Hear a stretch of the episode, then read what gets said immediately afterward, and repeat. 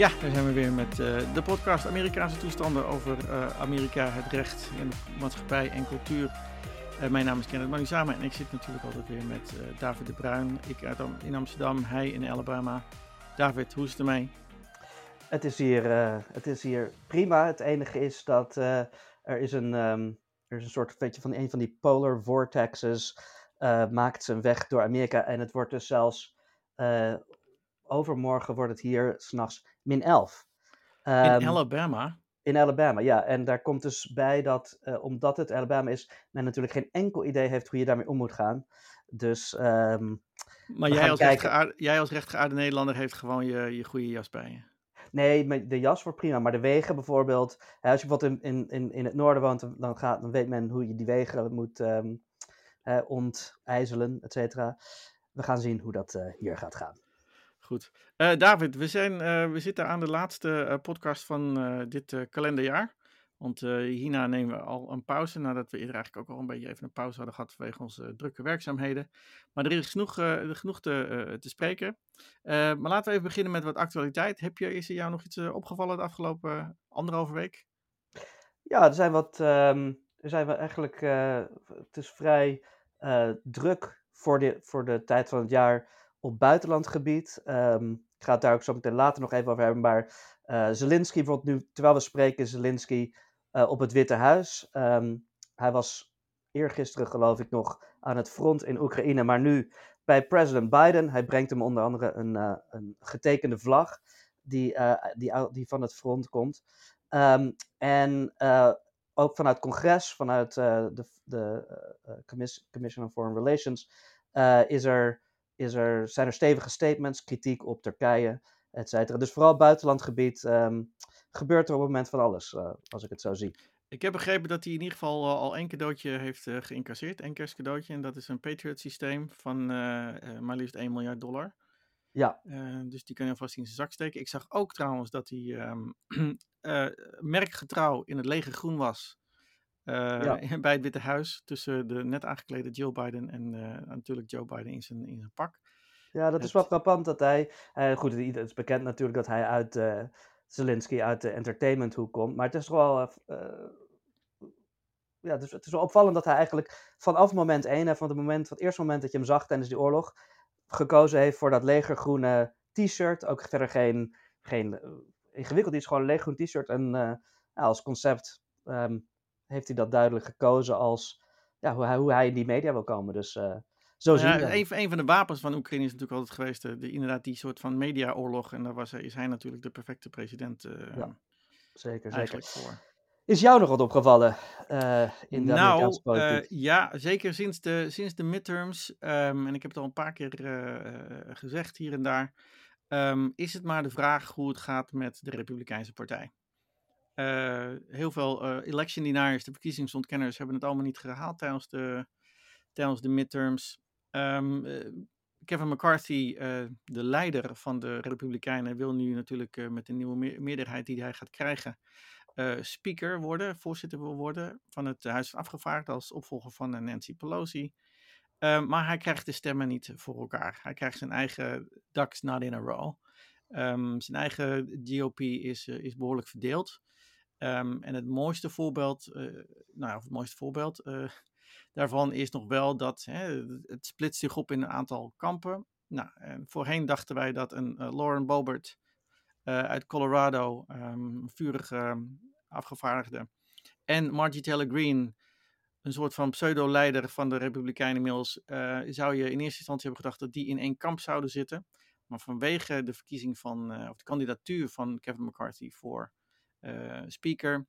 Eh, zijn zij ook verdeeld en vallen ze elkaar nu af en, en, en maken ze elkaar voor rot of vis uit op, op Twitter en andere eh, social media. Dus het is een heel interessant schouwspel wat hier nu gaande is. Um, we hebben een tegenkandidaat voor Kevin McCarthy, Andy Biggs. Um, en ze zeggen dat de, de, de Minority uh, Steve Scalise, eigenlijk in de, achter de schermen rustig zit af te wachten tot hij kan toeslaan om zelf speaker te worden. Er zijn allerlei paleisintriges aan de gang. Um, misschien zie ik het ook wel met een blik, omdat ik nu op HBO Max ook uh, de serie Rome aan het kijken ben, waar er ook al uh, allerlei intriges en bloedvergieten gebeurt. En ik zie het eigenlijk nu in, in, in real time met iets minder bloedvergieten hoop ik ehm, ook, ook verloopt. Dus dat is een interessant schouwspel. Ehm, en heel veel mensen vragen me altijd van, Kenneth, wat, wat gaat er gauw gebeuren met die, met die Republikeinse partij? En ik moet dan ook eerlijk, gewoon, eerlijkheidshalve ook gewoon zeggen van, ik weet het niet goed. we moeten het eigenlijk allemaal maar zien. Uh, nou goed, dat, schouwspel van, van een, Lauren Bobert en een en Margie Taylor Green die elkaar in de haren vliegen, figuurlijk gesproken. Dat is op zich een aardig schouwspel. Um, in die zin is het ook wel interessant, waar een, andere, een ander onderwerp waar ze zich op ehm, splitsen, niet die twee per, se, maar waar de partij zich een beetje op splitst, is inderdaad, waar we het net over hadden, is de steun voor Oekraïne.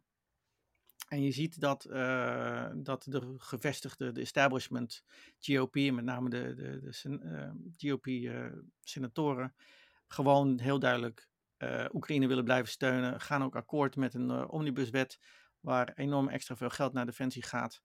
Um, en een deel daarvoor is ook, een deeltje daarvoor is ook voor Oekraïne.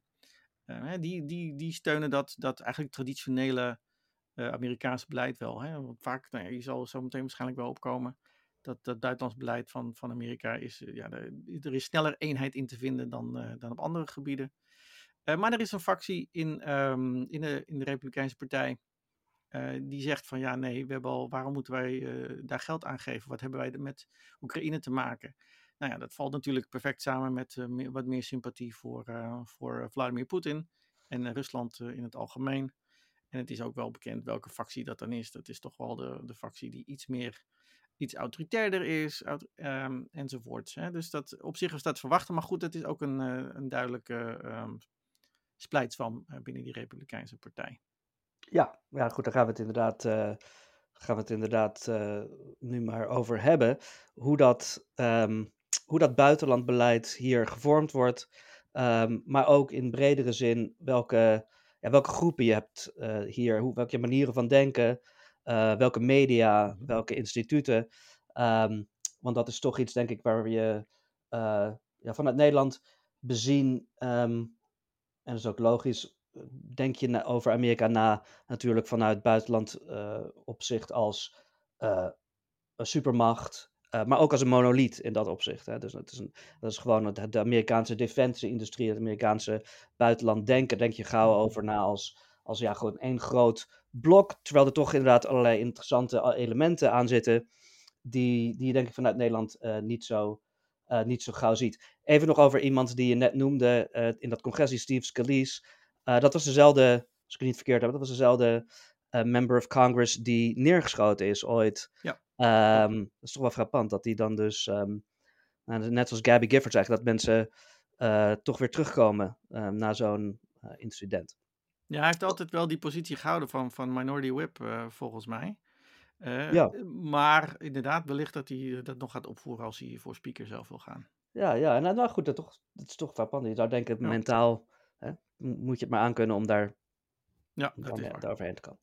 Goed, laat ik dus eventjes wat gaan zeggen over, over hoe dat elementen van het buitenlands beleid, elementen van het defensiebeleid ook hier uh, in, in Amerika, waarvan ik, die ik hier heb ervaren Um, waarvan ik zelf het gevoel heb dat ze niet gelijk duidelijk zijn um, ja, vanuit Nederlandse blik. Mm um, goed, laat ik even beginnen gewoon met, uh, met de organisatie daarvan, van de militaire capaciteit van Amerika.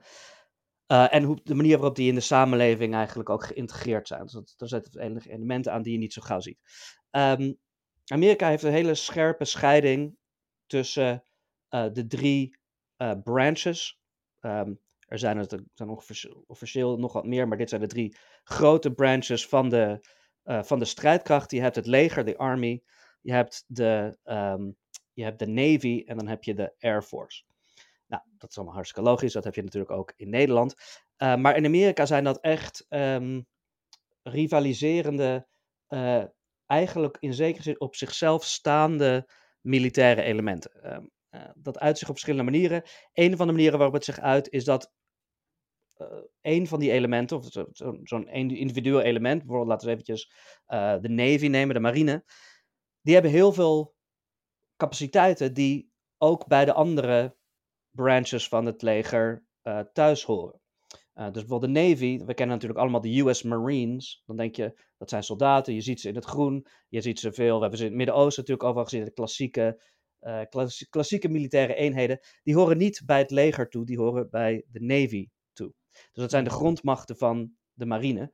En ook bijvoorbeeld de luchtmacht. Um, de Navy heeft zijn hele eigen luchtmacht. Uh, het gebruikt soms varianten van de luchtcapaciteiten die Amerika in het algemeen gebruikt.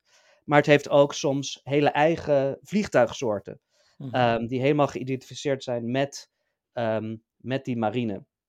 Ook uh, wel vanuit, een, vanuit een bepaalde functie geredeneerd, toch? Dat ze een bepaalde andere functie moeten hebben dan, uh, dan het leger of de Air Force nodig heeft. bijvoorbeeld.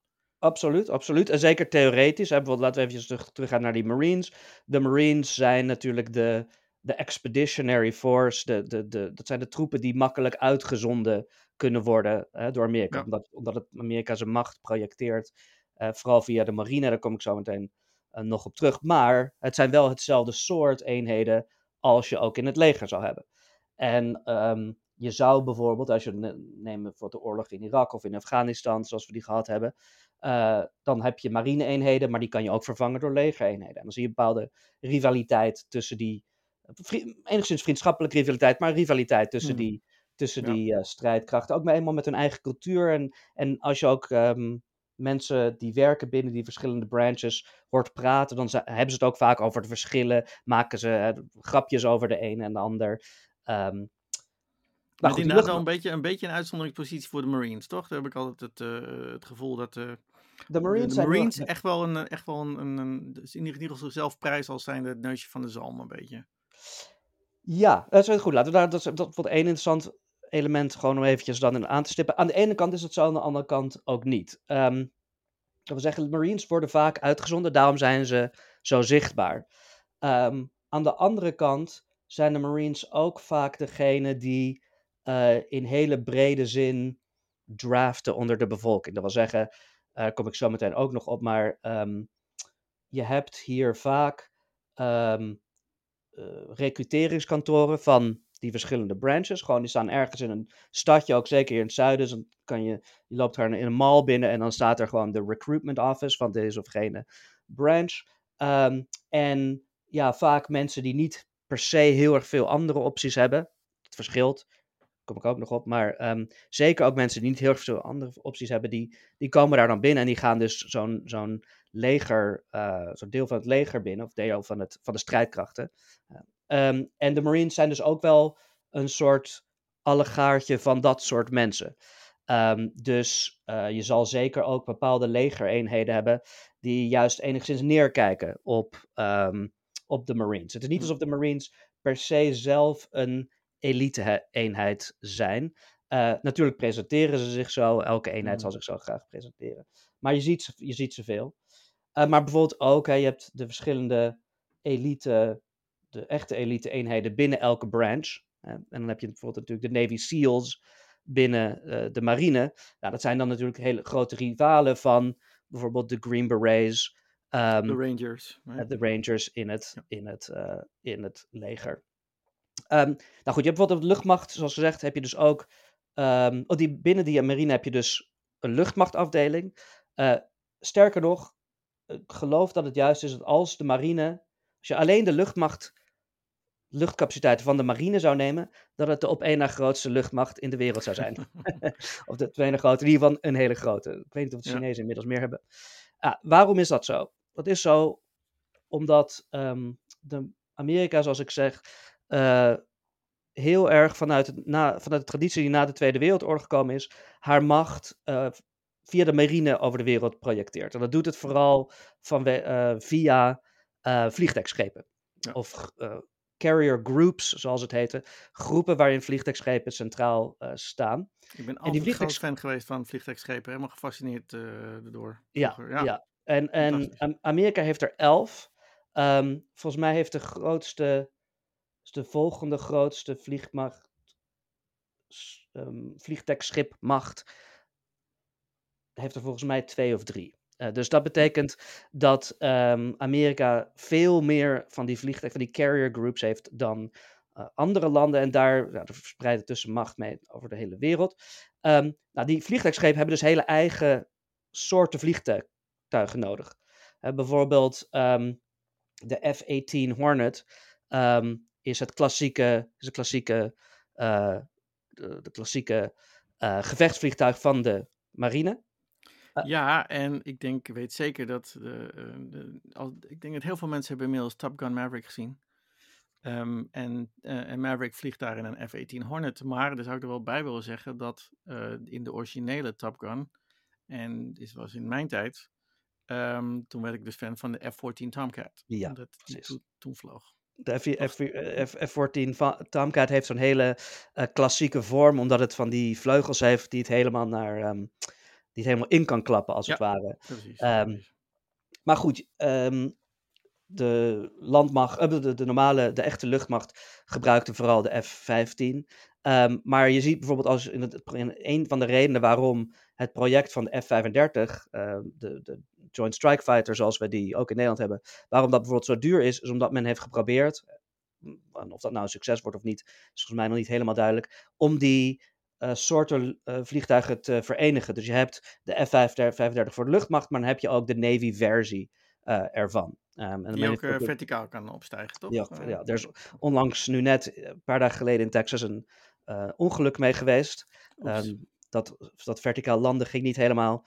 Um, dus we zullen zien hoe dat, hoe dat werkt. Maar in ieder geval dan snapt iedereen, dat is dus bijvoorbeeld een van de redenen waarom dat project uh, zo uh, complex is. Nou, um, ik kom zo nog iets meer terug op wat die, die carrier groups, wat, wat die van voor belang hebben binnen, um, binnen de Amerikaanse buitenlandse uh, politiek strategie. en ook wat voor uitdagingen daar, daaraan zitten. Maar nog iets meer over gewoon hoe dat leeft, hoe die verschillende branches leven in Amerika zelf. Um, nou, iedereen zal bekend zijn. In Amerika is het leger meer normaal. En het leger bedoel ik even de strijdkrachten in het algemeen. Uh, meer normaal um, aanwezig in de samenleving dan je bijvoorbeeld in Nederland zou zien. Uh, je hebt een, een, een prominente voetbalgame en dan krijg je wat F-16's of wat dan ook die daar, die daar overheen vliegen. Um, een van de elementen die je ook vaak tegenkomt, zeker als je dus bijvoorbeeld op een campus lesgeeft, is wat heet de ROTC. En de ROTC, dat is een um, kantoor wat op de meeste campussen in Amerika bestaat, waarin studenten hun, hun, hun lesgeld betaald krijgen in ruil voor daarna vier of vijf jaar te dienen binnen een bepaalde branch van de strijdkrachten. En je ziet die mensen dus ook, dat is vrij normaal, elke ochtend of zoveel dagen per week ochtend in uniform heel vroeg op de campus bepaalde oefeningen doen, bepaalde ceremonies uitvoeren. En je zal dus ook vaak, ik heb dat zelf vaak, als je les geeft, dan zit je, geef je vaak les aan studenten die daar in uniform zitten. Um, dat is helemaal niet iets raars uh, om te zien. Uh, nou, het laatste voorbeeld van hoe, hoe eigenlijk dus uh, breder verbreid een element van militaire cultuur in Amerika is, um, is dat dus ook vanuit, vanwege die, die rivaliteit tussen die branches, um, krijg je ook rivaliteits uh, sportwedstrijden tussen de branches. Dus een van de hele grote uh, voetbalgames die je hebt elk jaar um, is Army vs Navy. Um, en dan krijg je dus de mariniers uh, die een voetbalteam hebben en het leger heeft ook een voetbalteam. En nou, je zult heel veel mensen krijgen die um, heel erg sterk voor de een of juist voor de ander zijn. En het is toch vanuit de, vanuit de, de military academies, toch? Vanuit ja. de Navy Academy en de en West Point, hè? Leger. Precies. Okay. Precies, die academies, want dat, zijn, dat is een goed punt dat je het zegt, dat zijn ook universiteiten op zichzelf. En die hebben dus, net zoals alle andere universiteiten, een voetbalteam. Um, en daar speelt dus die, die rivaliteit uh, een rol. Oké, okay, laat ik even, even wat meer gaan zeggen over um, ja, de, het soort strategie en het soort prioriteiten dat Amerika stelt middels dus die, die carrier groups en ook hoe, hoe daarover gedacht wordt. Uh, omdat dat, dat ook van belang is, zeker als we bijvoorbeeld kijken naar, uh, naar zo'n bezoek van Zelensky. Dus Amerika probeer, projecteert haar macht over de wereld vis-à-vis -vis haar rivalen via die, die carrier groups. Um, en dat heeft het sinds de Tweede Wereldoorlog gedaan. Um, maar afhankelijk van de militaire technologie op een bepaalde tijd, in, in de ontwikkeling natuurlijk, van technologie in het algemeen, um, zijn daar min of meer um, nieuwe uitdagingen voor. Nou, op het moment is die uitdaging vrij groot en dat komt omdat de ehm, rakettechnologie van landen als uh, China uh, steeds verder gevorderd lijkt. Dat wil zeggen, een carrier, dus een vliegtuigschip, is heel erg machtig, heel erg sterk, omdat het natuurlijk vanuit uh, het hebben van jachtvliegtuigen op hele brede, hele brede groot, groot terrein haar macht, kan haar macht kan projecteren. Maar het is ook in zekere zin heel erg kwetsbaar. Namelijk, stel je hebt raketten die gewoon zo'n vliegtuigschip op kunnen blazen. Uh, en stel dat vliegtuigschip kan zich daar niet tegen verdedigen. Dan heb je elf raketten nodig, laten we zo zeggen, voor de mhm. elf vliegtuigschepen. Ja. En dan ben je van die dingen af. Um, en er is een groot debat aan de gang op het moment in Amerika over of dat nou wel of niet die, die traditionele strategie van Amerika bedreigt. Uh, en in welke mate. En er is natuurlijk een hele grote wapenwetloop tussen, um, tussen de verdedigingscapaciteiten van die schepen en dan kan je denken aan uh, raketten die raketten neerschieten, maar ook aan elektronische vormen van, um, uh, van het verstoren van hoe die raketten zouden moeten werken. En wat dan de Chinezen daar tegenover stellen, namelijk het functioneren van die raketten zelf. Um, nou, hoe speelt dat op het moment een rol en hoe wordt er over gedacht? Dat speelt een rol omdat um, sommige sectoren van het buitenland denken in Amerika zich meer en sommige sectoren van het buitenland denken in Amerika zich minder zorgen maken over hoeveel prioriteit er moet gaan naar het verdedigen van die uh, marinecapaciteit tegen China. En dat uh, concentreert zich vooral op Taiwan. Wat betekent dat? Dat betekent dat um, er op het moment natuurlijk heel erg veel steun gaat naar Oekraïne. Heel veel geld. Uh, Amerika heeft ongeveer 60 miljard aan algemene hulp aan Oekra Oekraïne gegeven en ongeveer 20 miljard aan um, letterlijke defensiehulp aan Oekraïne gegeven. Nou, er zijn dus mensen, de, mensen die zich niet zo zorgen maken om, niet per se zulke zorgen maken om die carrier groups, die zeggen, prima, uh, Rusland is een traditionele vijand van, uh, van de VS. De Oekraïne biedt een uitstekend strijdveld waarin bewezen kan worden dat Rusland niet de militaire macht is die uh, het wel pretendeerde te zijn. Uh, die dollars die we daar besteden aan het vernietigen van Russisch wapengoed, zijn het allemaal waard. Um, en als uh, Rusland blijkt niet zo sterk te zijn, zal misschien China zelf ook denken: Nou, laten we nog een keertje drie keer, um, drie keer nadenken voordat we eh, conflict zoeken met Amerika. Vandaar dat, vandaar dat Amerikanen dus inmiddels nou ja, je, zei het, eh, de getallen al, al bijna 100 miljard dollar aan, aan, aan steun hebben gegeven.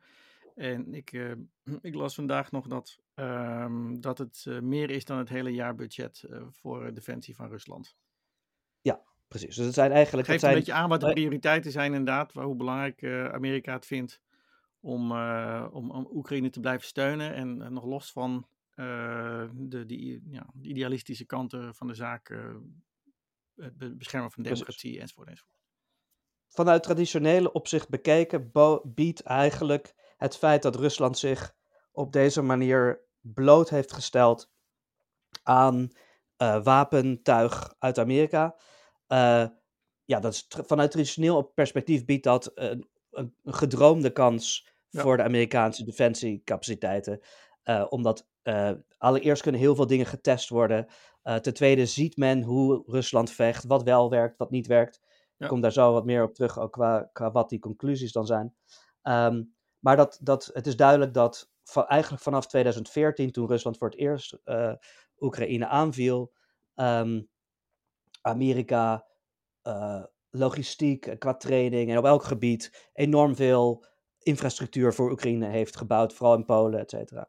Uh, om, om om, om die Russen dus, om te laten zien dat, het, dat die Russen dus niet zo krachtig zijn als ze, wel, als ze wel dachten te zijn. Dat is, dus dat, traditioneel is dat natuurlijk voordelig, omdat je dan een vijand, als het ware, um, aantoont dat de keizer geen kleding heeft, of dat, kleren aan heeft. Hè? Ja, um, de, ja, de, keizer heeft geen kleren aan, zo is het toch? Um, maar ook bijvoorbeeld commercieel. Hè? Dus het, kost heel veel geld, maar er is ook een hele grote wapenindustrie uh, in de wereld. En landen die, die India bijvoorbeeld is traditioneel erg, heel erg afhankelijk van Russische, hmm. um, Russische defensietechnologie. die zullen ook hier naar kijken en denken: hmm, misschien Ja. toch, niet, eh, toch niet zo voordelig als we wel dachten. Nee, nee, het Echter. is ook wel, Dus dat- als, dat ik, is als, ook- ik, als ja. ik nog heel even op dat eh, eh, punt mag ingaan, want het is natuurlijk ook al, zeker sinds eh Eisenhower zijn afscheid ooit in de jaren 50, die waarschuwde voor de military industrial complex. Ehm, en die geluiden hoor je, hoor je nu ook weer steeds weer van. de enige die hiervan profiteren zijn, is de defensieindustrie. Die worden allemaal, allemaal rijker van, die moeten nu op volle toeren draaien. Dus, en en dat wordt vaker weer één argument dat wordt gebruikt om te zeggen van dit moeten we niet doen, want dan wordt die, eh, die defensieindustrie weer allemaal veel te, veel te machtig eh, en zo. Dus ik vind dat wel een aardige rode draad ook wel die, eh, die je ziet spelen in het, in het buitenlands beleid eh, sinds de jaren 50. Ja, 60. dat, dat, het is, dat is inderdaad even misschien een klein, klein uitstapje in dat opzicht. Het is een interessante vraag, omdat die, die, de bekende zin inderdaad van Eisenhower, de, de military industrial complex, daar moeten we voor waken.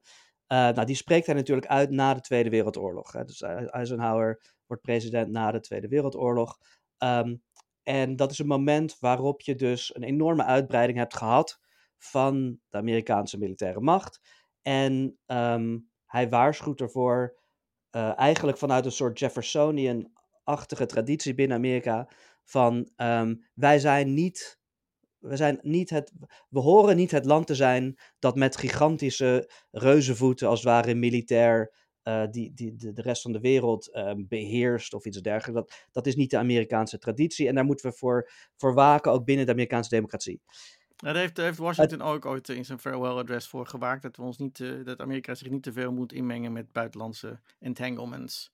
En niet veel met allerlei Een, een buitenlandse beetje een, een, eh. een enigszins isolationistische, enigszins Ja. mm, teruggetrokken eh, ideologie. Het pro- probleem is echter, hij spreekt dat uit in de jaren 50.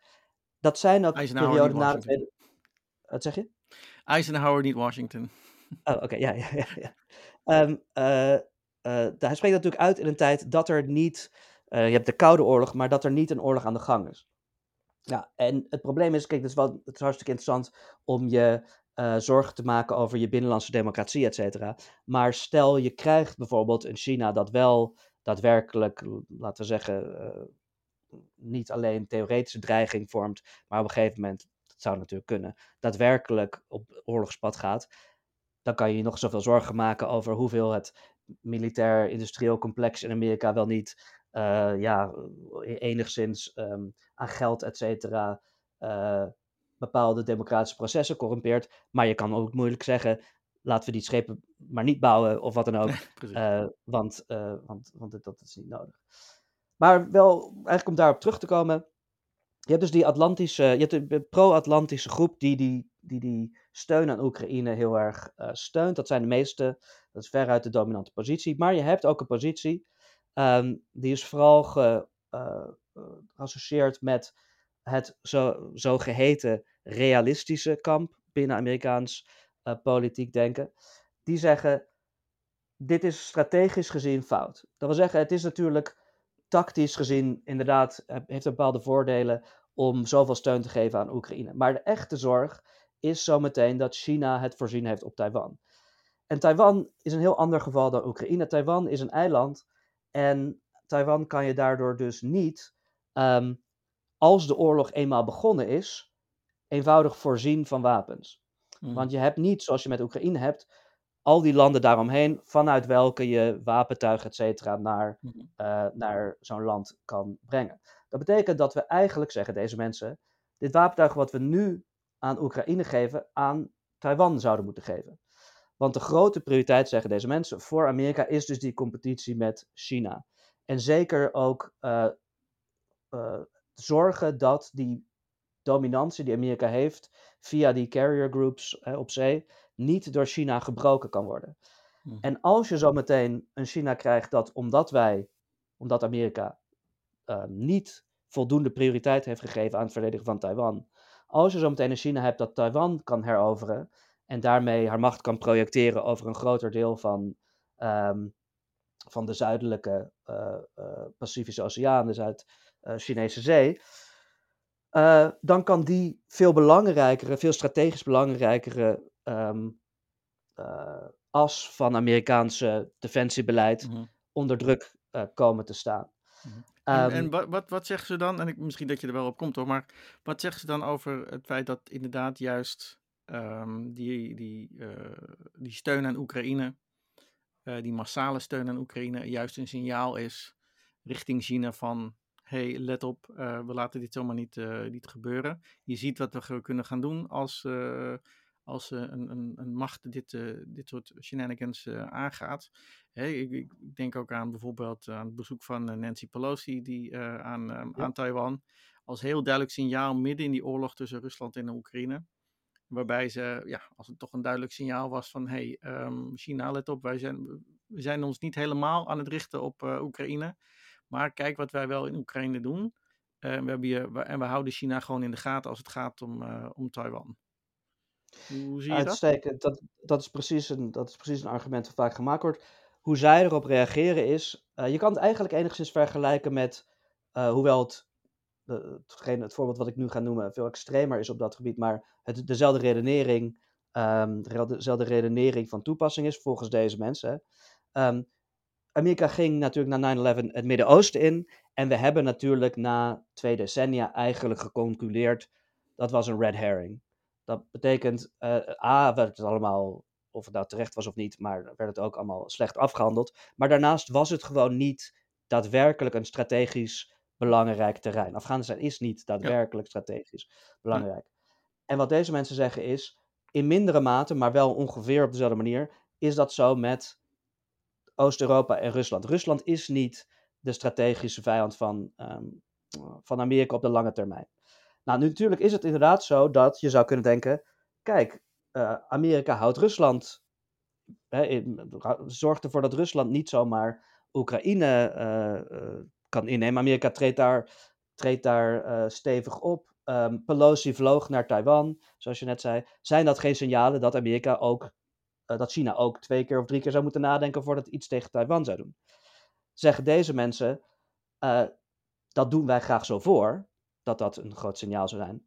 Maar zullen de Chinezen denken, um, A, zolang de Amerikanen al een, commitment hebben in Oekraïne, zullen ze niet zo heel gemakkelijk nog een groot commitment ergens anders aan willen nemen. B, die, um, die stockpiles van wapens, ik bedoel gewoon letterlijk hoeveel mm. artillery shells heeft Amerika beschikbaar. Hoe, die Javelin systemen bijvoorbeeld, hè, die heel erg nuttig zijn gebleken, daar kom ik ook zo nog even op terug. Uh, hoeveel hebben ze daar zo van beschikbaar? Niet zoveel.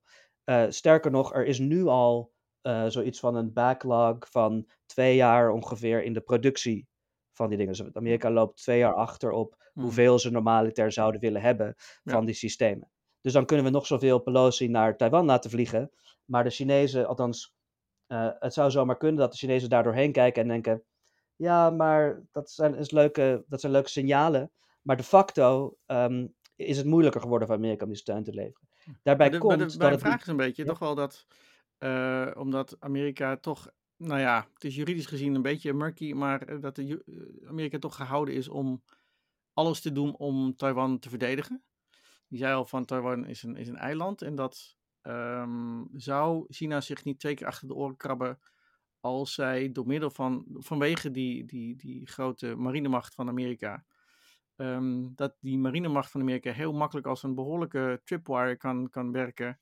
Of nee, niet, niet zozeer een tripwire, maar kan, ervoor kan zorgen dat uh, China, China het heel, heel kostbaar wordt voor China om Taiwan binnen te gaan vallen.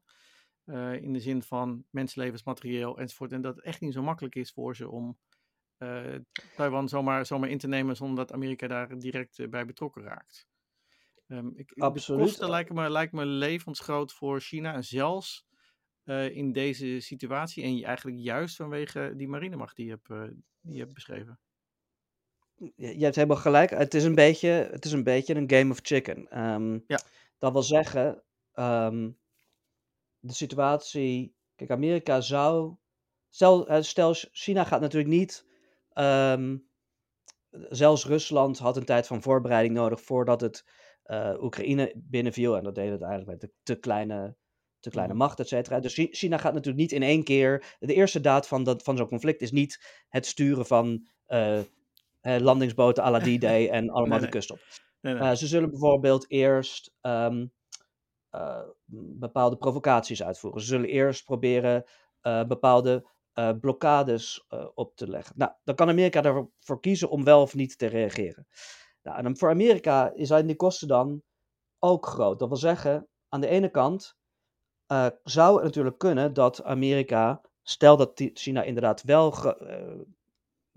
technologie heeft die daadwerkelijk een dreiging vormt voor die eh, carrier groups, zou het bepaalde, de, het imago van de Amerikaanse, ehm, de manier waarop Amerika macht projecteert, Ja. kunnen ondermijnen. Daar komt bij dat, hoewel Taiwan van groot strategisch belang voor Amerika is, het niet van vitaal strategisch belang voor Amerika is. Dat wil zeggen, Nee. stel, Amerika heeft veel, heeft veel te verliezen voor een relatief niet, zo, niet hyper-essentieel iets. Amerika heeft beloofd, quote-unquote, hè, we zullen Taiwan Ja. verdedigen. Maar if it, push comes to shove, ehm, gaat Amerika dan echt eh, alles op alles zetten om iets te bereiken? Wat stel dat ze het niet bereiken, nou, dan heeft, heeft Taiwan China, eh, heeft China, China Taiwan, dat willen we niet, dat wil Amerika niet, maar ook niet alles is verloren. Dus dat is een beetje een, een game of chicken tussen die Het twee. brengt me ook een beetje bij de vraag van waar, ehm, eh, ehm, waar gaat het nu eigenlijk om? Waarom zijn Amerika en China nu eigenlijk vijanden? Is het puur economisch? Is het ideologisch? Ehm, is het gewoon puur, eh, puur macht eh, in de wereld? Hè? Dat, dat, dat, dat, die vraag die halen we wel eens, eh, of die, die raken we wel eens kwijt om die te beantwoorden. En, en, en het moet me altijd denken aan, aan al die internationale mechanismen die een dynamiek in zichzelf hebben. En mensen weten eigenlijk niet eens waar, waar het meer eh, precies eh, om gaat. Ja. Gaat het erom dat eh, China de, de, de wereldmarkt kan gaan domineren vanwege alle aan, aanvoerroutes via de, de Zuid-Chinese Zee, die al noemde bijvoorbeeld. Wordt het daardoor te machtig of het gaat, gaat het echt om een ideologische strijd van democratische, liberale democratieën die niet willen dat, dat een, een autoritair regime ehm, ehm, de macht heeft in een, in een bepaalde regio. Uh, het is een uitstekende en natuurlijk een enorm. Beetje een eh, metavraag misschien, maar Nee, nee, nee, nee. Het is, het is uitstekend een hele diepe vraag. Je hebt natuurlijk de, de klassieke theorieën binnen de internationale eh, politiek, hm, eh, die, die allemaal op hun eigen manier uitleggen waarom en in welke manier China en de VS tot een bepaald conflict ehm, ja, gedoemd lijken, of althans daarop af lijken te stevenen.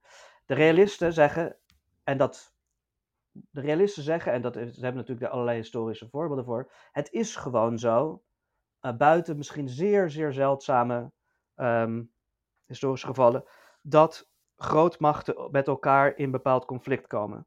Ehm, en dat komt simpelweg omdat ze allebei de mogelijkheid hebben en de wens hebben om uit bepaalde situaties voordeel te halen. Dat wil zeggen, bijvoorbeeld Amerika projecteert haar macht in de, in de Chinese zee. Amerika projecteert haar macht in de Pacifische Oceaan. Stel dat het vriendelijk zou moeten blijven tussen China en Amerika, dan zou Amerika dat dus op moeten geven. Althans, Chi- China wil dat ook gaan doen. Nou, dan kan je dus af, afvragen, nou ja, gaat een, van gaat of de ander dan inbinden? Dus dat is één uitleg. De andere uitleg, en, en die, komt, die is niet inconsistent daarmee, maar die komt er eigenlijk nog bij, is natuurlijk dat Chi- China, je het heeft een andere ideologie dan Amerika, maar het is ook een vrij problematisch, instabiel systeem op een bepaalde manier.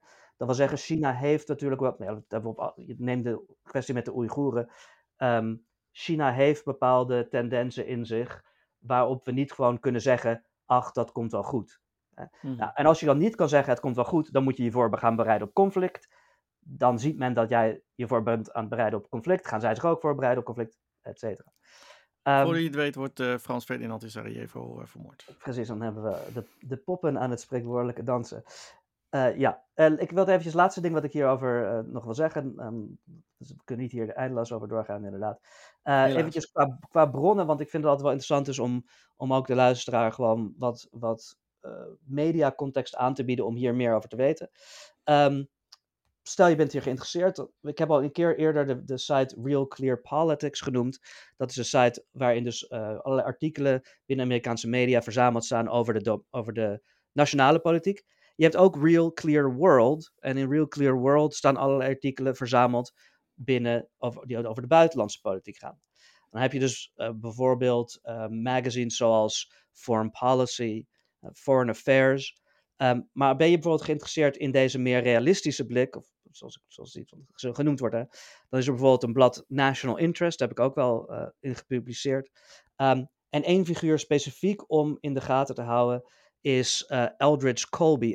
Eldridge Colby um, is wel een interessant figuur uh, in de zin dat hij een ondersecretaris was in een Trump-kabinet, of in een Trump, tijdens de Trump-regering. Maar hij is eigenlijk de enige daarvan die niet gek is. Um, hij, is wel, hij is wel dus ex, extreem op deze, hè, die, die Taiwan-oriëntatie, maar wel absoluut een serieus persoon uh, om in de gaten te houden. Dus uh, mocht je geïnteresseerd zijn in dit hele debat, uh, we komen er ongetwijfeld later in deze podcast nog vaker op terug, maar dan zou ik National Interest en Real Clear World bekijken. Eén, één laatste, War on the Rocks. War on the Rocks is ook een, um, is een website die heel goed en gedetailleerd verslag doet over het Amerikaanse leger en buitenlandse politiek. Ook interessant. Ooit, ooit gaan we uitvogelen hoe we show notes uh, doen, waar we al dit soort uh, dingen kunnen, kunnen er zijn, zoveel, er zijn zoveel groeiopties voor ons, Kenneth. We kunnen zoveel toevoegen nog aan wat we, we kunnen zoveel, precies, kunnen nog zoveel toevoegen en wellicht dat we op een gegeven moment maar om donaties gaan vragen, zodat we enigszins goede equipment kunnen aanschaffen en mensen kunnen inhuren om dit te doen. Dank je, David. Inderdaad, ik denk dat we hier nog heel lang over door hadden kunnen, kunnen spelen. Maar um, egoïstisch als ik ben, moet ik toch ook een beetje nog een ei kwijt. Namelijk over de 6 januari commissie die deze week um, weer van zich heeft doen horen. Als een soort sluitstuk van maandenlange hoorzittingen en getuigenisverklaringen en zo. Um, en tot mijn verdriet heb ik toch heel veel in de media toch wel heel veel oppervlakkige analyses toch wel een beetje gehoord. En ik wilde daar, voor zover men daar geïnteresseerd in is, uh, iets, toch iets meer extra duiding, duiding aangeven. Um, wat heeft de 6 januari commissie nou eigenlijk gedaan? Um, het heeft nu een, een executive summary uitgebracht van het rapport. wat weliswaar vandaag is verschenen, maar het executive summary kwam, maandag uit. Uh, en uh, het was al voorspeld, maar men heeft uh, aanbevelingen gedaan aan het ministerie van Justitie om onder andere Trump, maar ook meerdere mensen, um, strafrechtelijk te vervolgen voor een viertal misdrijven. Er is dan belemmering van een officiële procedure. Nou, dat was dan het, hè, het tellen van de, van de kiesmannen en het certificeren van, van de verkiezingsuitslag door het congres. Een samenzwering tot het benadelen van de, van de VS, de defraud the United States. Uh, samenzwering om valse verklaringen af te leggen. En, en waar natuurlijk heel veel op gefocust werd, was het uh, aanzetten tot, uh, tot een opstand. Hè. Dan hebben we het echt over het geweld dat gebruikt werd um, in het kapitool.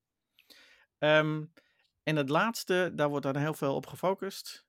of Trump daarvoor strafrechtelijk kan worden, worden vervolgd. Um, maar die zaak, en dan zal ik maar gelijk de alle kaarten op tafel leggen, die, die zaak staat wat mij betreft vrij, vrij, vrij zwak eigenlijk. Um, kan je nou zeggen dat bijvoorbeeld de speech die, uh, die Trump gaf uh, voorafgaand aan het hele gebeuren um, echt een, een, soort van opruiming was? Heeft hij nou daadwerkelijk gezegd van jongens, we moeten optrekken naar het kapitool en we gaan daar de boel uh, verstoren zodat ik alsnog president kan, kan blijven? Even heel kort, kort gezegd. Er zijn heel veel feiten, heel veel omstandigheden die erop wijzen dat Trump wist bijvoorbeeld de mensen zijn gewapend. Hij heeft inderdaad opgeroepen om naar het kapitool te gaan. Maar stilzwijgend, misschien gewoon vanwege uh, om te demonstreren en uh, druk te zetten op de, op de congresleden. Uh, hè, dus men wil heel graag dat Trump wordt vervolgd voor dat geweld, voor de bestorming van het kapitool. Ze wil hem heel graag in de schoenen schuiven dat hij heeft opgeroepen om met geweld nou ja, een opstand in gang te zetten en de, om zichzelf uiteindelijk nog steeds als president te kunnen noemen. Um, maar die zaak staat, eh, wat ik zeg, die staat heel erg zwak. Het, eh, men heeft niet echt aangetoond, wat mij betreft. En ik was ooit een stukje te begonnen, te, begonnen te tikken, uh, waarbij ik zei van ja, eigenlijk heeft de 6 januari commissie op dat punt gefaald. De, de, de, sterkste kant, de sterkste kant van de zaak, de sterkste um, aanwijzingen voor inderdaad uh, strafbare feiten, gaat over zijn die eerste twee, het belangrijking van de officiële procedure, samenswering tot benadelen van de VS. En dit concentreert zich, en dat vind ik natuurlijk erg interessant, concentreert zich op uh, het onder druk zetten van, uh, van vicepresident Mike Pence. Oké, okay. mag, mag, mag, ik nog ja. heel even iets vragen over die eerste, over die eerste aanklacht? Want dat is natuurlijk dat is diegene die niet, die niet zo sterk staat. Ehm, dat is natuurlijk een enorm zware, mocht, weet je, dat is een enorm zware uh, aantijging natuurlijk. Het oproepen tot revolutie, of wat dan ook. Of het, het, het, daadwerkelijk proberen over te nemen van de regering. Hoe verhoudt zich hier het werk van die January 6th commissie met het strafrecht? Dus we weten, de luisteraar zal het ook zeker weten, met, ehm, hoe heet dat nou, um, het afzetten van een president. Impeachment. Impeachment is dat puur politiek. Impeachment is puur politiek, dat is niet strafrechtelijk. Hier hebben we dus een commissie in het congres en moet die nou bewijzen leveren waarbij vervolgens dan een strafrechtelijk orgaan een aanklacht zou gaan indienen? Of is de January 6 commissie zelf een strafrechtelijk orgaan? Nee, het is, het is geen strafrechtelijk orgaan, maar heeft wel op basis van het strafrecht eigenlijk bewijs vergaard. Met als doel om aan te tonen, of in ieder geval om te kijken of er inderdaad strafbare feiten zijn gepleegd. Men is dus heel juridisch bezig geweest. Ehm, dat zou je in het politieke theater van de hoorzittingen misschien niet zo 1, 2, 3 terugzien. Maar men heeft heel duidelijk via juridische weg de zaak, uh, zaak benaderd om eigenlijk een panklaar dossier dossier te geven aan het ministerie van Justitie, wat inderdaad het vervolgings, uh, uh, volksautoriteit en, is. En welk, en welk hof zou het, of welke AG? Welk, uh, Merrick, Merrick Garland, Merrick Garland, de, de, de ene, iets wat letterlijk en figuurlijk, iets wat grijze meneer die heel voorzichtig is, heel behoedzaam is, alles bij de bok. die moet nu gaan beslissen. Eén, gaan we verder onderzoeken. En dan geeft hij het vervolgens door aan uh, de, de speciale aanklager Jack Smith, die uh, een, tijdje geleden is benoemd omdat Trump uh, presidentskandidaat werd. En al, alle zaken die er spelen rondom Trump gaan nu allemaal via deze speciale aanklager. Um, zij moeten nu gaan beslissen van, oké, we hebben al het bewijs gekregen van de January 6th commissie. Dat is de afgelopen dagen ook daadwerkelijk gebeurd. Um, waar zijn er nog gaten in? waar gaan we nog meer onderzoek uh, doen? Hebben wij misschien ander bewijsmateriaal ondertussen al verzameld, wat het uh, bewijsmateriaal van de January 6th commissie misschien zelfs tegenspreekt? Hoe moeten we dan weer doen? Um, hè, dus de, de, de, het ministerie van Justitie moet een hele eigen onderzoek eigenlijk nu gaan doen. En het kan alleen maar zeggen tegen de January 6th commissie, dank u wel voor al uw bewijs. nu gaan wij zelf kijken en zelf uh, beoordelen. een soort, het soort voorwerk eigenlijk ja. voor een... Oké, prima. Snap ik dat. Zeker. Um, dus dat is uh, die, die twee, wat ik zeg, die twee uh, zaken rondom uh, van samenswering van tot benadelen van de VS, belemmering van officiële procedure, centreert zich rondom het onder druk zetten van Mike Pence.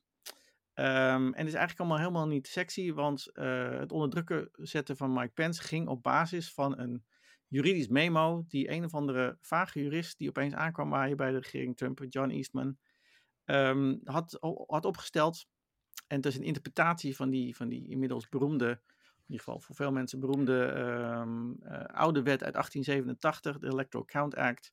Die regeert eigenlijk, die be bepaalt hoe de procedure verloopt op een 6 januari. Uh, bij het tellen van die, van die kiesmannen. Nou, daaruit blijkt eigenlijk, die, die juridische uh, theorie, um, ja, die, die snijdt absoluut geen hout. Het is een hele bizarre interpretatie van, van de wet. Um, dat was eigenlijk evident duidelijk voor alle juridische observers die er zijn. Maar, belangrijker nog, het was voor ook John Eastman was het ook wel duidelijk. Hij had die theorie opgesteld, maar hij wist eigenlijk van ja, dit is eigenlijk wel manifest, evident. Um, niet echt, niet echt uh, heel, erg, heel erg sterk. Um, dat had hij tegen, zelfs tegen Trump gezegd. Allerlei andere juristen hadden tegen Trump gezegd van deze juridische memo, dit juridische memo is onzin. Uh, deze interpretatie klopt van geen kanten. Mike Pence kan niks doen tijdens de 6 januari telling op basis van de Electoral Count Act. hij kan alleen maar de enveloppen openen, openen en gewoon letterlijk de kiesmannen optellen. Dus dat is, dat is in, rond, rond die campagne, zeg maar, die, die papieren campagne, waarbij Trump zijn eigen medewerkers, zijn eigen juristen heeft uitgescholden en wilde misschien ook nog wel mensen vervangen binnen het ministerie van Justitie, terwijl hij aan het zwaaien was met het memo van John Eastman. Dat is eigenlijk de meest sterke, uh, sterke kant van, de, van, deze, van dit hele verhaal. Omdat hij wist, dat is het belangrijkste, hij wist dat het, dat het fout was. Hij wist dat, het helemaal, dat deze theorie helemaal niet, uh, niet klopte, op geen enkele steun kon rekenen, volgens el elke jurist. Hè? Vandaar dat je ook de kritiek krijgt vanuit, sommige, vanuit de Republikeinse kant, die zegt van ja, maar moet hij nou strafbaar, is hij nou strafrechtelijk, um, heeft hij een strafrechtelijk misdrijf begaan alleen maar omdat hij slecht advies heeft gekregen van zijn advocaat? Is dat dan, is dat dan alles? Nou ja, hè, dus um, nou, dat vind ik eigenlijk niet een hele slechte, uh, uh, slechte tegenargument. Maar het gaat erom dat hij wist dat dit gewoon niet, niet houdbaar was. Maar wat, wat, is, wat, is die, wat is John Eastman's officiële positie toegewezen? Want er is natuurlijk, kijk, voor zover ik weet, mag een advocaat niet, uh, een, laten we zeggen, iets betogen waarvan de advocaat zelf weet dat het gewoon compleet uh, ja. onzin is. Ja. Dus zolang de John Eastman niet officieel heeft ingetrokken, kijk, een criminele zaak uh, betoogt de advocaat zo vaak natuurlijk iets waarvan hij denkt, nou ja, ik weet niet of het, ja. ik weet niet hoe sterk we staan, maar zolang het een strategie is die je cliënt kan verdedigen en de advocaat willen, heeft het officieel betoogd, dan kan de cliënt zeggen: luister, dat is uh, door de advocaat zo bepaald. Nou, daar, daar, zit dus wel, degelijk, wel degelijk een grens uh, aan. Je zou denken van ja, nou ja, je kan elke theorie aanhangen, hè, we schieten met hagel en we zien wel. Nee, er zit echt wel een grens aan wat je als advocaat wel en niet mag eh, voor een rechter mag maar, gooien bijvoorbeeld. Maar heeft Eastman het officieel ingetrokken? Of heeft Eastman nee. het wel betoogd en gezegd, ja, ik vind het niet zo sterk? Dit is, dit, is nou, dit is nou de chaos van de Trump-regering. Want uh, Eastman was, heeft geen officiële functie uh, gehad. Oh. Um, en het is maar de vraag via, via wie uh, hij kwam aanbaaien. Dus al in, de, in het rapport van de 6 januari commissie zullen alle details zijn hoe hij in godsnaam bij Trump was, was aanbeland. Maar hij had geen officiële functie. Hij heeft dit wel opgesteld en Trump is ermee op zich mee aan de haal gegaan. En heeft dat in het, in het gezicht van Mike Pence gedaan. Terwijl alle, inderdaad alle officiële aangestelde juristen om hem heen wel riepen van dit is totale onzin. Hè? En zodra iets totale onzin is, um, dan wordt het in ieder geval lastig voor John Eastman. Want John Eastman gaat waarschijnlijk wel de bak in. Um, of die gaat in ieder geval bijvoorbeeld zijn, zijn law license gaat hij wel, uh, gaat hij wel verliezen. Dat lijkt me, dat is denk ik vrij, vrij duidelijk. Maar of Trump nou uh, op dit punt strafrechtelijk een, een, een misdrijf heeft begaan, nou ja, um, daar laat ik aan de echte, echte experts die, die heel diep in deze wet zitten, laat ik aan hen over. Maar als ik hen zo beluister, dan is dit de meest sterke kant van de hele zaak van de, van de 6 januari en zou het voordeliger zijn geweest voor Trump, gegeven hoe je het schetst, als hij op dat moment Eastman een officiële functie had ge gegeven, zodat hij vervolgens had kunnen zeggen, nou ja, deze man, officieel, in officiële capaciteit, ja, precies. gaf mij deze theorie. Um, als hij een officiële capaciteit had, had het anders geweest. Maar John Eastman had dan ook gewoon zijn mond moeten houden. En niet tegen Trump moeten zeggen van ja, deze theorie is een beetje, een beetje shaky. En uh, uh, komt, hebben we een beetje uit, uit de lucht gegrepen. Maar ja, we kunnen het proberen. Als, die, dat, als die, die twee dingen nou uh, waren gebeurd, dan, of niet waren gebeurd, dan had Trump nog iets zekerder, zekerder gestaan. Maar mijn punt is eigenlijk dat um, in de publieke beeldvorming het heel erg gaat over um, het geweld en de bestorming van het kapitool en mogelijke strafbaarheid van, van Trump. En als je dus goed, goed leest um, in het rapport, dan denk ik dat je moet concluderen dat die uh, de, de, nou ja, de, de, de strafbaarheid, de, de, verantwoordelijkheid van Trump voor dat geweld. Uh, toch echt heel erg moeilijk te, te bewijzen wordt. Hè? Want dus moet je hem echt zoiets hebben van. Er moet een voorbereiding zijn geweest. Um, er moet een plan zijn geweest. Er moet een opzet zijn geweest. Een bedoeling zijn geweest. Om te zeggen van, nou ja, niet goed schiks dan kwaadschiks. Dan gaan we daar naar binnen en dan verstoren we, gewapend met geweld, verstoren we uh, de certificering van de verkiezingsresultaten. Um, ik, zie niet, ik heb geen bewijs gezien of niet voldoende bewijs gezien om te zeggen van inderdaad, Trump was de spil in dat web. Hij, het was een vooropgezet plan, een coherent opgezet plan. Um, nee, dat, dat, dat, dat, zie ik, uh, dat zie ik denk ik niet. Hè? Dus dit, um, er wordt natuurlijk heel snel gehyped via de media om te zeggen van oh, hij gaat nu de bak in voor de bestorming van het uh, kapitool. ik ben bang dat het heel veel wensdenk is. Wat dus niet betekent dat, uh, dat hij niet juridisch niet aansprakelijk kan worden gesteld, maar niet voor dat, direct voor dat geweld, maar eerder voor het proberen Mike Pence te overtuigen van hé, hey, je, moet, je moet iets doen uh, waarvan we eigenlijk weten dat je daar de bevoegdheid helemaal niet toe hebt onder die, onder die oude wet. Ja, wel interessant, even een kleine terzijde, maar wel een interessant thema inderdaad, omdat ehm, niet om, ik eh, trek zeker geen andere vergelijkingen, maar uh, voor degene die, um, als ze er bekend mee zijn, als je de, de Ian Kershaw uh, biografieën van, van de, onze welbekende Oostenrijkse politicus van de midden 20e eeuw ooit hebt gelezen, dan, dan geeft hij eigenlijk ongeveer dezelfde theorie over hoe Hitler probeerde bepaalde dingen buiten schot te houden. Hij noemt dat, Ian Kershaw noemt dat working towards the Führer. Dat hmm. betekent dat, de, de, dat Hitler zelf nooit uh, opdracht gaf tot het een of het ander, of zelfs niet hmm. de zinnen uitsprak die het doel, uh, maar iedereen begreep ongeveer welke richting het uit moest. Ja. En uh, nou, zo, dat is natuurlijk wel een probleem dan voor, voor juridische ja, situaties zie, in dit opzicht. Nou ja, ik zie dus vooral dat, dat inderdaad de mensen om Trump heen hebben er nu een groot probleem dat wel. En zeker meneer eh, John Eastman. Uh, maar Trump zelf heeft zich later zelf, wat dat betreft, misschien goed uh, buiten schot gehouden. Um, als ik in het bredere plaatje kijk van de Trump-regering en van de Trump-era als het ware, dan zie ik dus eigenlijk heel veel mensen, heel fanatieke mensen uh, met hun eigen groepjes om Trump heen, die allerlei uh, dwaze plannen hadden.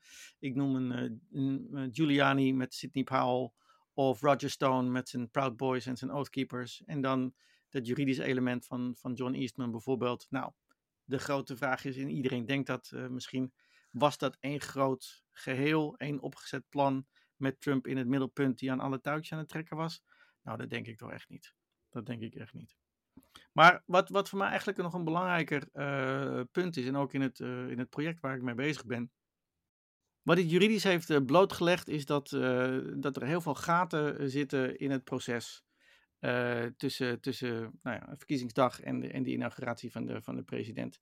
Verschillende momenten, verschillende plekken. Um, en we zien nu ook, en ook met de omnibuswet, uh, op, sorry, omnibuswet die uh, nu op tafel ligt en een deze dagen wordt aangenomen. Daar zit ook een wet in uh, verscholen die probeert de aanpassingen te maken voor die hele oude wet waar ik het eerder over had uit 1887. De, het heet de Electoral Count Reform Act, waar men bijvoorbeeld wil, duidelijkheid wil scheppen over dat inderdaad de vicepresident geen enkele bevoegdheid heeft om in het hele proces iets, te, iets te doen. Hij moet nu echt, het is nu duidelijk, hij moet letterlijk gewoon de enveloppen openen, de kiesmannen bij elkaar optellen en en that's it. Um, er is ook een hogere drempel uh, komt er om bezwaren tegen kiesman in te brengen. Hè? Want de, de GOP wilde uh, tijdens 6 januari ook allemaal bezwaren invoeren tegen bijvoorbeeld Arizona en Pennsylvania. Dat daar de stemmingen niet goed waren gegaan. Nou, het idee was dan om ervoor te zorgen dat Arizona en Pennsylvania de, hun kiesmannen uit het, uit het telproces worden gehaald. En dan daarmee zou getalsmatig Trump alsnog winnen. Het, wordt ook niet zo, het wordt ook minder makkelijk om uh, die bezwaren überhaupt uh, te gaan in, in te brengen.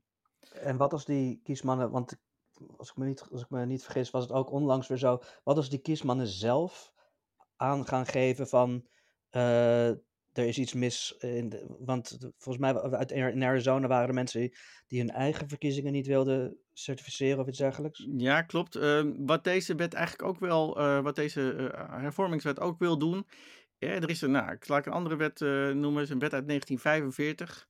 Uh, in die wet werd de verkiezingsdatum uniform voor, alle, voor heel Amerika. De, de eerste dinsdag van de maand november, dan worden de presidentsverkiezingen gehouden, worden de, de kiesmannen worden dan, worden dan gekozen. maar in die wet, oude wet, daar staat ook dat een staat die volgens de grondwet überhaupt die verkiezingen in de eigen staat mag regelen, er ook kan zeggen op een gegeven moment van nou, um, we stellen de verkiezingen even uit of wijzigen het even, want vanwege bepaalde, bepaalde omstandigheden. Eigenlijk is dat een heel, heel weinig besproken eh, clausule geweest in de afgelopen, afgelopen jaren. Uh, maar die uh, is een maas in de wet, wordt nu ook gedicht.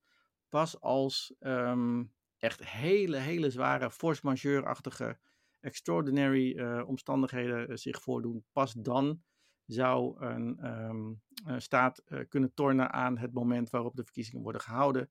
En misschien zelfs dat ze een wet kunnen aannemen om bijvoorbeeld de, nou ja, de, de, stem van het volk opzij te schuiven en het resultaat de facto te, te veranderen. Um, eerdere pogingen eigenlijk om an aan andere gaten die in dat hele proces zitten tussen verkiezingsdag en inauguratie, die zijn eigenlijk mislukt de afgelopen twee jaar. Men heeft geprobeerd om ervoor te zorgen dat er een aantal uniforme nationale standaarden werden ingevoerd voor iedereen. bijvoorbeeld, men wilde ervoor zorgen dat er automatic voter registration was. Hè? Dat je automatisch geregistreerd staat als kiezer. Dat er ook altijd papieren stembiljetten beschikbaar, beschikbaar zijn. Hè, een bepaalde uniform, min of meer uniform stemsysteem. Heeft het niet gehaald. de John Lewis Voting Rights Act heeft het dit jaar ook niet gehaald. En die wet zou Ehm, heel veel van de schade die het Hoge Rechtshof de afgelopen jaren heeft aangebracht aan de Voting Rights Act uit 1965, uh, zou die repareren. Hè? Um, want de, het Hoge Rechtshof heeft ooit in 2013 gezegd, ik heb het een paar keer genoemd in deze podcast, Shelby County versus Holder, waarin het Hoge Rechtshof zei van, nou ja, dat federale toezicht op bepaalde staten, waaronder de, hoogstwaarschijnlijk Alabama, uh, dat hoeft niet meer. Um, want uh, de rassendiscriminatie als het gaat om, uh, om stemmen, dat, dat valt allemaal tegenwoordig wel mee.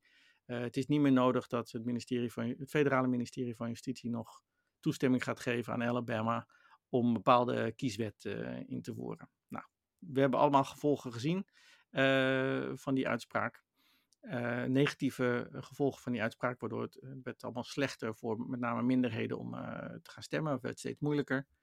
Um, nou, de John Lewis Voting Rights Act probeerde dat gat ook te dichten, is niet gelukt. Um, dus er zijn maar eigenlijk maar, minus, eigenlijk maar kleine stukjes van die hele, van, in dat hele proces. een paar mazen in de wet, paar zwakke uh, plekken in, in het hele proces, die zijn maar, uh, worden nu ondervangen. Maar eigenlijk zien we in de, aan de aanloop van 2024 dat het meest kwetsbare uh, deel, delen nog steeds nou intact, intact zijn gebleven en nog steeds voor manipulatie vatbaar zijn. Dus daar maak ik me nog wel zorgen over. Dat gaat hopelijk de komende jaar uh, veranderen, hopelijk. Daar, uh, in een van die zwakke plekken wordt misschien nog wel zwakker als het Hoge Rechtshof in juni zegt van um, in die ene zaak uit North Carolina, Moore versus Harper en de Independent State Legislature Doctrine. Volgens mij heb ik het in de podcast al eerder over, over gehad.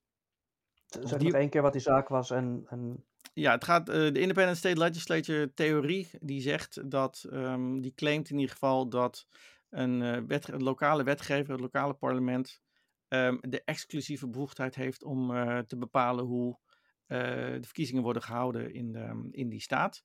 Zelfs als al zou het ingaan tegen de grondwet van die staat. En er zou ook geen, dan geen rechter um, aan te pas meer kunnen komen. In ieder geval geen lokale rechter. nou, dat is een hele radicale theorie. En het zou het proces eigenlijk nog maar nog veel meer verzwakken als die theorie wordt aangehangen. Want dan kunnen, kan men op lokaal niveau het hele proces nog veel meer uh, beïnvloeden. Dus mijn, mijn stelling dit jaar, voor het komende jaar, is dat, luister, de democratie in Amerika is nog gevaar. Er zitten heel veel zwakke plekken in, in het hele verkiezingsproces. Um, er worden nu hele kleine aanpassingen gedaan, belangrijke aanpassingen, maar op zich in, eh, in het grote geheel uh, zijn ze nog steeds klein. En dus daar moeten we nog steeds op uh, alert op zijn. Ja, en wat je natuurlijk ook niet wil, misschien ter afsluiting, is dat zoiets als, als die January 6th commissie, net zo eigenlijk als in zekere zin natuurlijk gebeurd is met impeachment, um, als het niet lukt om bepaalde dingen, als het dus vrij publiek het niet lukt om bepaalde bewijsvoering sluitend te krijgen, juist een soort template wordt waarbinnen ja. politie begrijpen, hey, hier kan je mee wegkomen. Precies. En bijvoorbeeld impeachment is natuurlijk ook, de man is twee keer, uh, heeft twee keer die, uh, die uh, situatie gehad, Trump. Ja. En had het effect? Nee, ja. niet per se. Nou, de, de, dus... de, de, na 2020 heeft men ook juist, heeft men inderdaad gezien van, hé, hey, wacht eens even. hier en daar zijn, we zien nu de, precies de zwakke plekken. Um, en we weten nu precies hoe we die uit moeten buiten. Nou, met name lokale parlementen, lokale fanatici, die zijn bezig geweest om inderdaad te proberen uh, allerlei wet en regelgeving uh, in te voeren. Uh, daar ben ik in mijn project ook, ook druk mee bezig. Um, maar ja, de vraag is dus inderdaad, kunnen dan, kan er nationaal iets aan gedaan worden? Is, men, is de lokale democratie zo resilient, zo weerbaar genoeg om, om daar tegengas aan te, aan te geven? Nou, als je dan bijvoorbeeld ziet dat in, in Michigan de trifecta is behaald. Hè? Alle branches of government zijn democratische, alle huizen zijn in democratische handen. En dus, nou ja, gaan we vanuit uh, vooralsnog dat de democratie daar iets betere handen is dan bij de Republikeinen. In ieder geval zoals de Republikeinen er nu um, aan toe zijn. Uh, dat zijn goede, goede uh, ontwikkelingen, maar er zijn een heleboel staten waar het nog steeds niet, waar nog steeds kantje boord is, denk ik. Goed, dat was natuurlijk weer een hele rant van mij als je het hebt over juridische zaken en, en de presidentsverkiezingen. Omdat ik er natuurlijk heel erg mee, mee bezig ben, maar ook omdat ik zie dat um, uh, ja, er nog maar weinig aan uh, mee gebeurt of uh, wordt, wordt gerepareerd. Dus toch wel heel. Ja, ik denk zeker, zeker op zulke punten is juist dat detail dat jij kan leveren om je om. nou ja, goed, de complimenten geven. Dat detail dat je kan leveren is denk ik iets wat je enorm mist in, in veel analyses die je leest. Dus dat ja. is. ik hoop dat onze lezer, onze luisteraars daar blij mee zijn. En dat denk ik ook wel. Ik hoop het. Prima. Zullen we het hierbij laten? Maar uh, dan, we zijn al over de tijd eigenlijk, uh, David. We, zijn, uh, we, we, gaan altijd over tijd. Fijne kerstdagen, et cetera, et cetera. En ja. we zien elkaar in het nieuwe jaar. In het nieuwe jaar. fris en fruitig, hopelijk weer. In ieder geval voor mezelf gesproken, David. Maar hopelijk weer dat ik fris en fruitig ben, want ik ben het nu nog even niet. Maar in ieder geval, fijne kerstdagen aan iedereen. Fijne kerstdagen, fijne feestdagen jij, David. En uh, we zien elkaar inderdaad in het Groeten. Doe maar.